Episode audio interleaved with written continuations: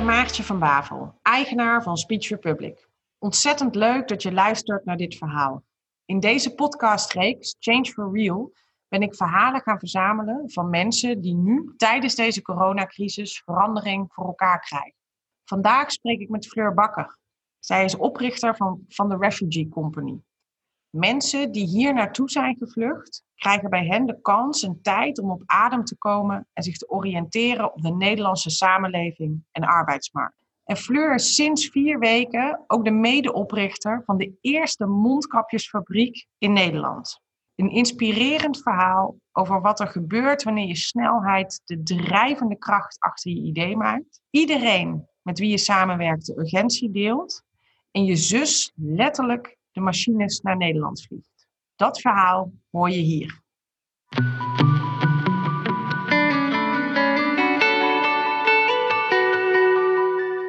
Gisteren bestonden we vier weken. Dus vier weken geleden was uh, het eerste telefoontje met Jaap, een van de mede-initiatiefnemers, van goh, zou het niet een goed idee zijn om zo'n machine naar Nederland te halen? We waren eigenlijk bezig met het filtermateriaal voor het textielatelier, uh, wat ik samen met Nas Kawan heb, om daar uh, materiaal voor uit China te halen.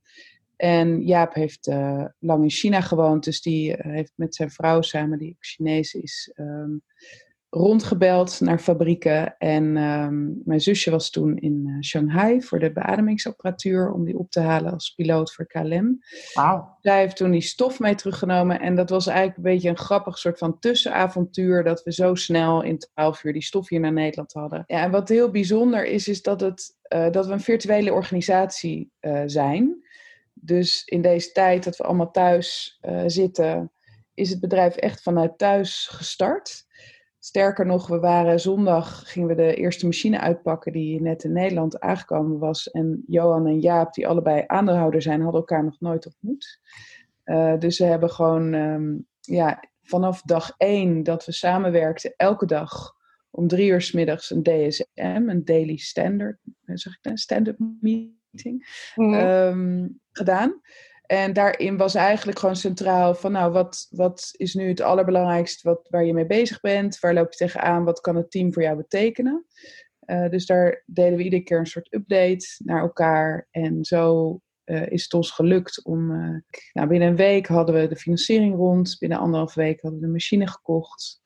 En binnen drie weken was de machine op transport. Dus um, ja, dat is, dat is niet normaal. Dat is echt uh, absurd eigenlijk hoe snel dat is gegaan. Ja. Voordat ik daarop inzoom, wil ik eens heel even terug naar het begin. Want jij zegt heel casual van, ja, Jaap en ik belden elkaar en zeiden, goh, zullen we niet zo'n fabriek naar Nederland halen?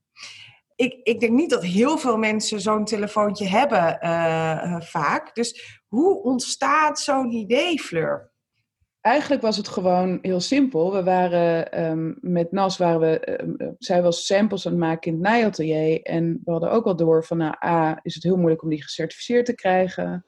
Uh, B, je doet er 200 kapjes per dag, terwijl er zijn er eigenlijk 8 miljoen per week nodig.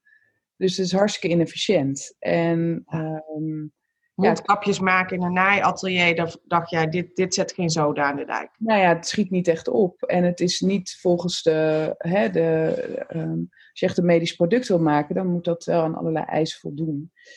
Ik denk dat we aangemoedigd waren door de snelle actie, uh, hè, dat we de stof naar Nederland kregen.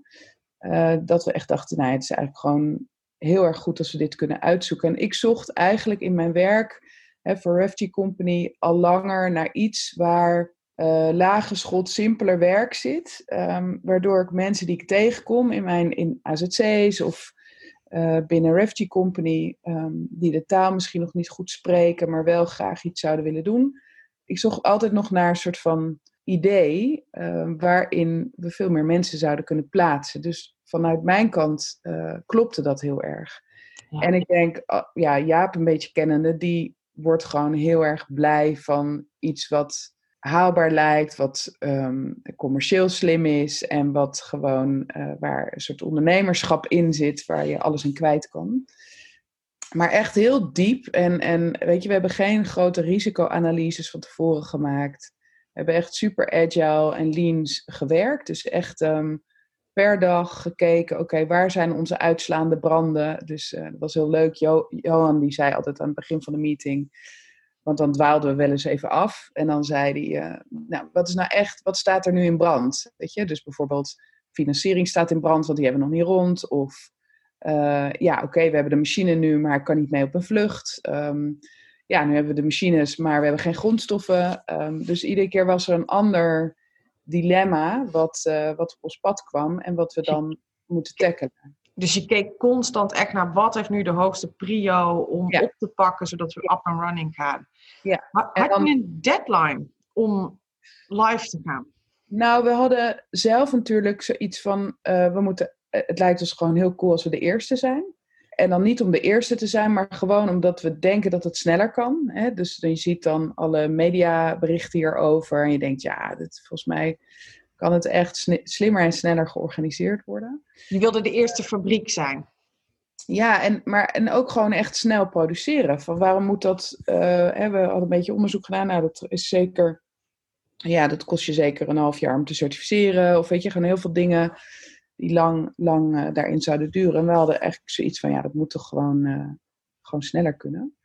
Maar het was wel grappig, want de directeur van Credits, die ons, onze eerste lening heeft gegeven van 2,5 ton, die zei: um, Ik heb nog nooit, nog nooit binnen drie dagen een ondernemer zo'n groot bedrag geleend. En Philips Foundation, die vonden het ook echt een heel mooi plan. Dus die hebben eigenlijk samen met Credits die voorfinanciering gedaan van de machines. En ja, ze hebben ons meteen, dus iedere keer als wij dachten, eh, ik wil gewoon snappen, moeten we ons nou richten op die FFP2, FFP3 of de type uh, eh, 2R surgical masks? Nou, hebben we een call gehad van, ik denk nou, twee, drie uur met een Philips-expert die 14 uur per dag met die kapjes bezig was. En die heeft ons helemaal uitgelegd van, maar deze markt, um, daar is echt nu behoefte, hè? die surgical mask type 2R. Uh, daar is nu ook nog niks voor. Um, er wordt niet lokaal uh, hier geproduceerd. Uh, plus, die kun je ook relatief snel gecertificeerd krijgen. dus dat zou eigenlijk je beste kans zijn. Nou, het is gewoon niet vaak dat mensen zoveel, ja, ik weet niet of het bedrijfsgeheimen zijn, maar gewoon kennis met je delen. Omdat je gewoon met z'n allen heb je eigenlijk een heel duidelijke horizon van die, die fabriek moet er komen. En ook wel snel om de zorg te ontlasten. En eigenlijk iedereen organiseerde zich om dat idee. Dus ja, dat was wel echt heel gaaf. Ja, ja, klinkt onwijs bijzonder. Maar ook als jij zegt van we kregen ja, zo snel financiering rond, bijvoorbeeld. Waarom lukt dat voor je gevoel zo snel op dit moment? Maar al die samenwerkingen eigenlijk. Nou, ik denk wel dat er uh, al een soort van reputatie was als sociale onderneming uh, vanuit Refugee Company. Dus dat we al echt mooie projecten hebben neergezet. En dat dus de partijen die ons uh, nu ondersteund hebben, daar vanuit doorbouwen. Dus het is wel, je kan echt vanuit vertrouwen iemand bij. Um, Margot, die directeur is bij Philips Foundation, die kent ons langer. Dus die heeft daardoor, ja, maar Credit kende ons uh, uh, zijdelings, dus nog niet goed zelf. Die had nog niet eerder wat met ons gedaan. Um, maar die zijn we trouwens door Koningin Maxima aangekoppeld twee jaar geleden, dus dat is wel weer grappig. Mooi. Um, en Johan, die bij ons CFO is, die, die komt uit het netwerk van Credits. Die was eigenlijk coach aan ons verbonden, dus die kent ze goed. Ja, het is heel erg vanuit, denk ik, um, het sociale ondernemerschap dat hè, dat mensen daarin geloofden. Maar ik denk ook echt dat het plan goed in elkaar zat. Uh, hè, dat heeft Jaap in anderhalve dag uh, geschreven, samen met Johan die business case rondgekregen. En ik denk gewoon ook deze periode, dat iedereen wil graag meehelpen om hè, de zorg te ontlasten, uh, daar iets voor te betekenen.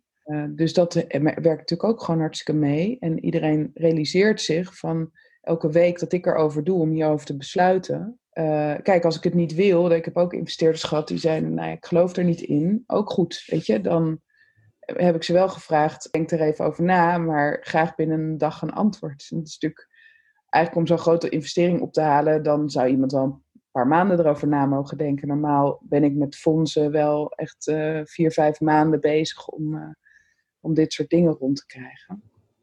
Ja, want dat vind ik dus ook wel fascinerend. Want zij, zij ze heel even in een paar zinnen kunnen zeggen, zodat iedereen die luistert het ook voelt wat de Refugee Company normaliter doet? Ja, dus Refugee Company is een stichting die um, uh, leerwerktrajecten opzet voor mensen met een vluchtelingenachtergrond. Om te zorgen dat iemand zijn leven weer goed hier opnieuw kan starten.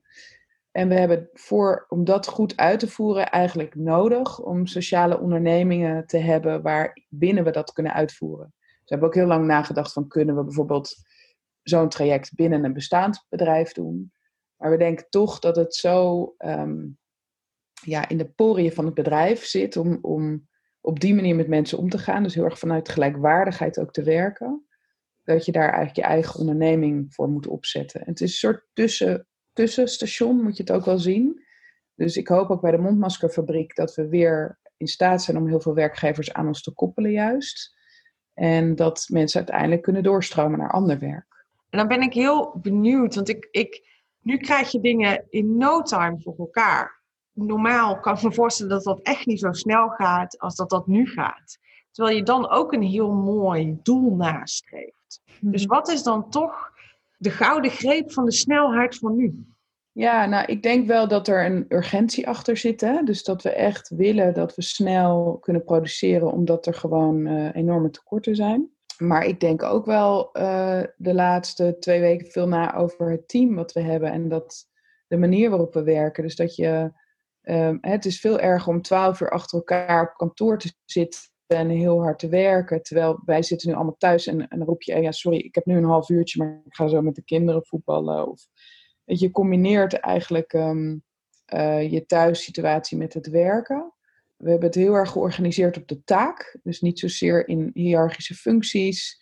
Um, we hebben geen groot plan van tevoren gemaakt. Uh, en we hebben iedere keer een plan B gehad. Dus iedere keer uh, gekeken van oké, als wij een machine naar Nederland gaan halen, stel nou dat die bij de douane blijft staan. Of stel dat die machine het niet doet. Dan moeten we dus twee machines. En dan moeten we ook twee machines bij twee verschillende um, fabrieken kopen. En dan moeten we ze ook op twee verschillende vluchten boeken. Dus iedere keer in elke keuze die we hebben gemaakt, hebben we plan B opgezocht. Wow. Dus onze plan A was, we gaan dit zelf doen. Hè? We denken dat we dit snel kunnen plan B is altijd geweest om samen met de overheid, met het landelijk consortium, hulpmiddelen in zee te gaan. Daar zijn we ook alsmaar mee in gesprek gebleven. Maar we zijn stiekem blij dat we nu pas echt met ze samen gaan werken, omdat we denken dat we daardoor heel snel en wendbaar zijn gebleven. En niet in bureaucratische processen zijn beland, maar gewoon echt iedere keer keuze hebben kunnen maken van wat is nou de beste van de twee. Weet je, welke. Ehm, Welke, welke laat ons eigenlijk het snelst vooruit gaan? Dat is het. En de grap is ook, we zijn eigenlijk als bedrijf heel overtuigd, circulair, duurzaam. En we gaan nu 700.000 wegwerpproducten op de markt gooien. Weet je, dus ik, ik appte met. Maar hoe is dat? Ja, dat is eigenlijk vreselijk. Ehm, maar je, je maakt ook zo'n afweging van ja, maar wat is nu, wat is nu even hè, uh, leidend? Leidend is gewoon dat er mensen aan het doodgaan zijn en dat um, zorgmedewerkers corona krijgen die niet genoeg uh, beschermende middelen hebben.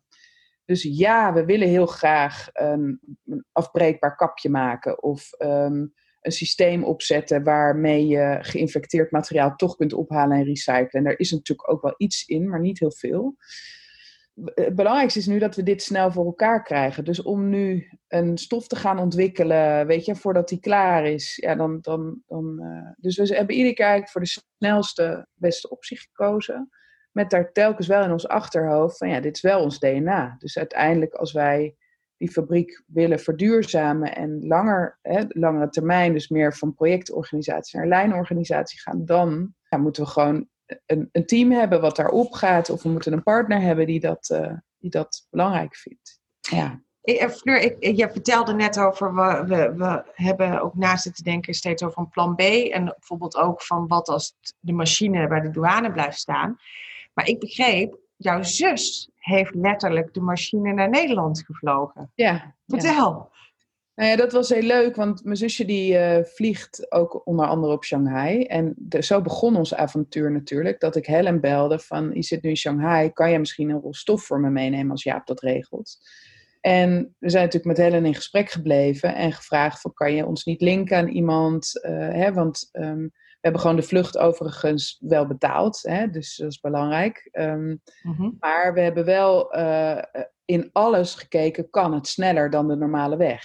Uh, dus gezocht naar netwerken en dus Helen heeft ons weer gekoppeld aan, uh, ja, aan mensen die ons konden helpen om versneld die, die machines in het ruim mee te kunnen laten nemen. En toen eenmaal duidelijk werd welke vlucht het werd, toen heeft ze hem aangevraagd. En dat was natuurlijk heel leuk dat zij hem ook kon vliegen. Dat was ja, wat een trots gevoel als je zus ja. jouw machine naar Nederland ja, Het was een heel mooi rond verhaal. Omdat ze natuurlijk echt wel heeft meegeholpen om, uh, om ons daar goed binnen te krijgen. En um, ja, te bedenken van hoe, uh, hoe krijgen we dat nou sneller er doorheen. Uh, want is natuurlijk, nu wordt er ontzettend veel gevlogen vanuit China. En eigenlijk krijgen we nu... Ja, ja. op zich had het ministerie wel aangeboden, hè, we kunnen jullie helpen um, het, het, versneld voor elkaar te krijgen. Maar voordat je daar bij de juiste persoon bent, was dit gewoon een veel snellere weg. Ja, geweldig. Je hebt in vier weken ben je in een fabriek gestart. Ja. Dat gaan niet heel veel mensen je na kunnen zeggen. Nee, dat denk ik ook niet. Wat is het meest bijzondere moment van de afgelopen vier weken? Ja, ik denk wel dat het eerste kapje van de band uh, rolde. Dat was op Koningsdag. En we werken samen met uh, een ingenieursbureau dat heet King. En uh, we stonden op Koningsdag met al die mannen met King uh, t-shirtjes aan. En toen rolde dus het eerste kapje van de band. Ja, het was gewoon cool, omdat het was natuurlijk ook wel spannend. Van gaat die machine het doen? Um, hebben we dit wel slim gedaan? Um, het is gewoon een machine van 85.000 euro. Dus, um, ja, dan ja. hoop je wel dat hij het doet, ja. Ja, precies nee, dus dat was. En ik, ik moet eerlijk zeggen dat de momenten met het team en dat we gewoon dingen voor elkaar krijgen. Ehm, ja, ik hang iedere keer op met heel veel energie om, om, drie uur als we elkaar bellen. Het is gewoon zo fijn om zo efficiënt, snel dingen neer te zetten. En ook, ja, daar haken steeds meer hele goede mensen aan. Dus dat is wel heel bijzonder. Ik kan me voorstellen dat je ontzettend veel hebt geleerd al de afgelopen vier weken. Um, en je noemde al een aantal hele, hele mooie dingen, zoals die, die snelheid en dat plan B erin houden. Maar voor iedereen die nu luistert, welk advies of inzicht zou je heel graag aan hen mee willen geven voor hun eigen werk? Voor de dingen die zij voor elkaar willen krijgen? Nou, ik denk dat die stip op de horizon, uh, als je die gewoon heel duidelijk hebt. Hè, wij hadden een soort van één motto, die fabriek die komt er. Als je dat als stip op de horizon hebt, dan, dan komt het er ook. En ik denk um, wat super belangrijk is, vraag uh, support of zoek mensen die, um, die beter zijn dan jezelf uh, in onderdelen uh, die je gewoon nodig hebt om je idee te realiseren. Dat begon bij ons met Friends for Brands, die in een week, nou, we hebben in een week een creatief proces doorgelopen huisstijl, website, alles was echt binnen een paar dagen af. En nu nog, weet je, dan app, appen we even en dan binnen een dag uh, is er een animatie of is er iets, uh, iets moois. En wat zij doen is niet alles zelf. Dus zij hebben weer een, een, een, stichting waarbinnen ze andere bureaus aan elkaar koppelen. Dus zij kunnen gewoon een bureau bellen van kunnen jullie nu een filmpje maken? En die vinden dat dan heel leuk om te doen. Dus dat, dat in netwerken werken en zorgen dat je mensen medestanders krijgt in je plan. Uh, heel erg investeren daarin. Dat is volgens mij waardoor je gewoon dingen, grote dingen voor elkaar krijgt, denk ik. Heel mooi advies.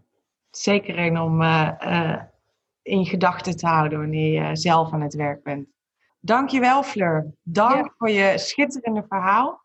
Ja. En ik wens jullie onwijs veel succes ja. met, met dit doorvoeren. Ja, dankjewel. Hey, bedankt. Tot, tot ziens. Doei. Doei.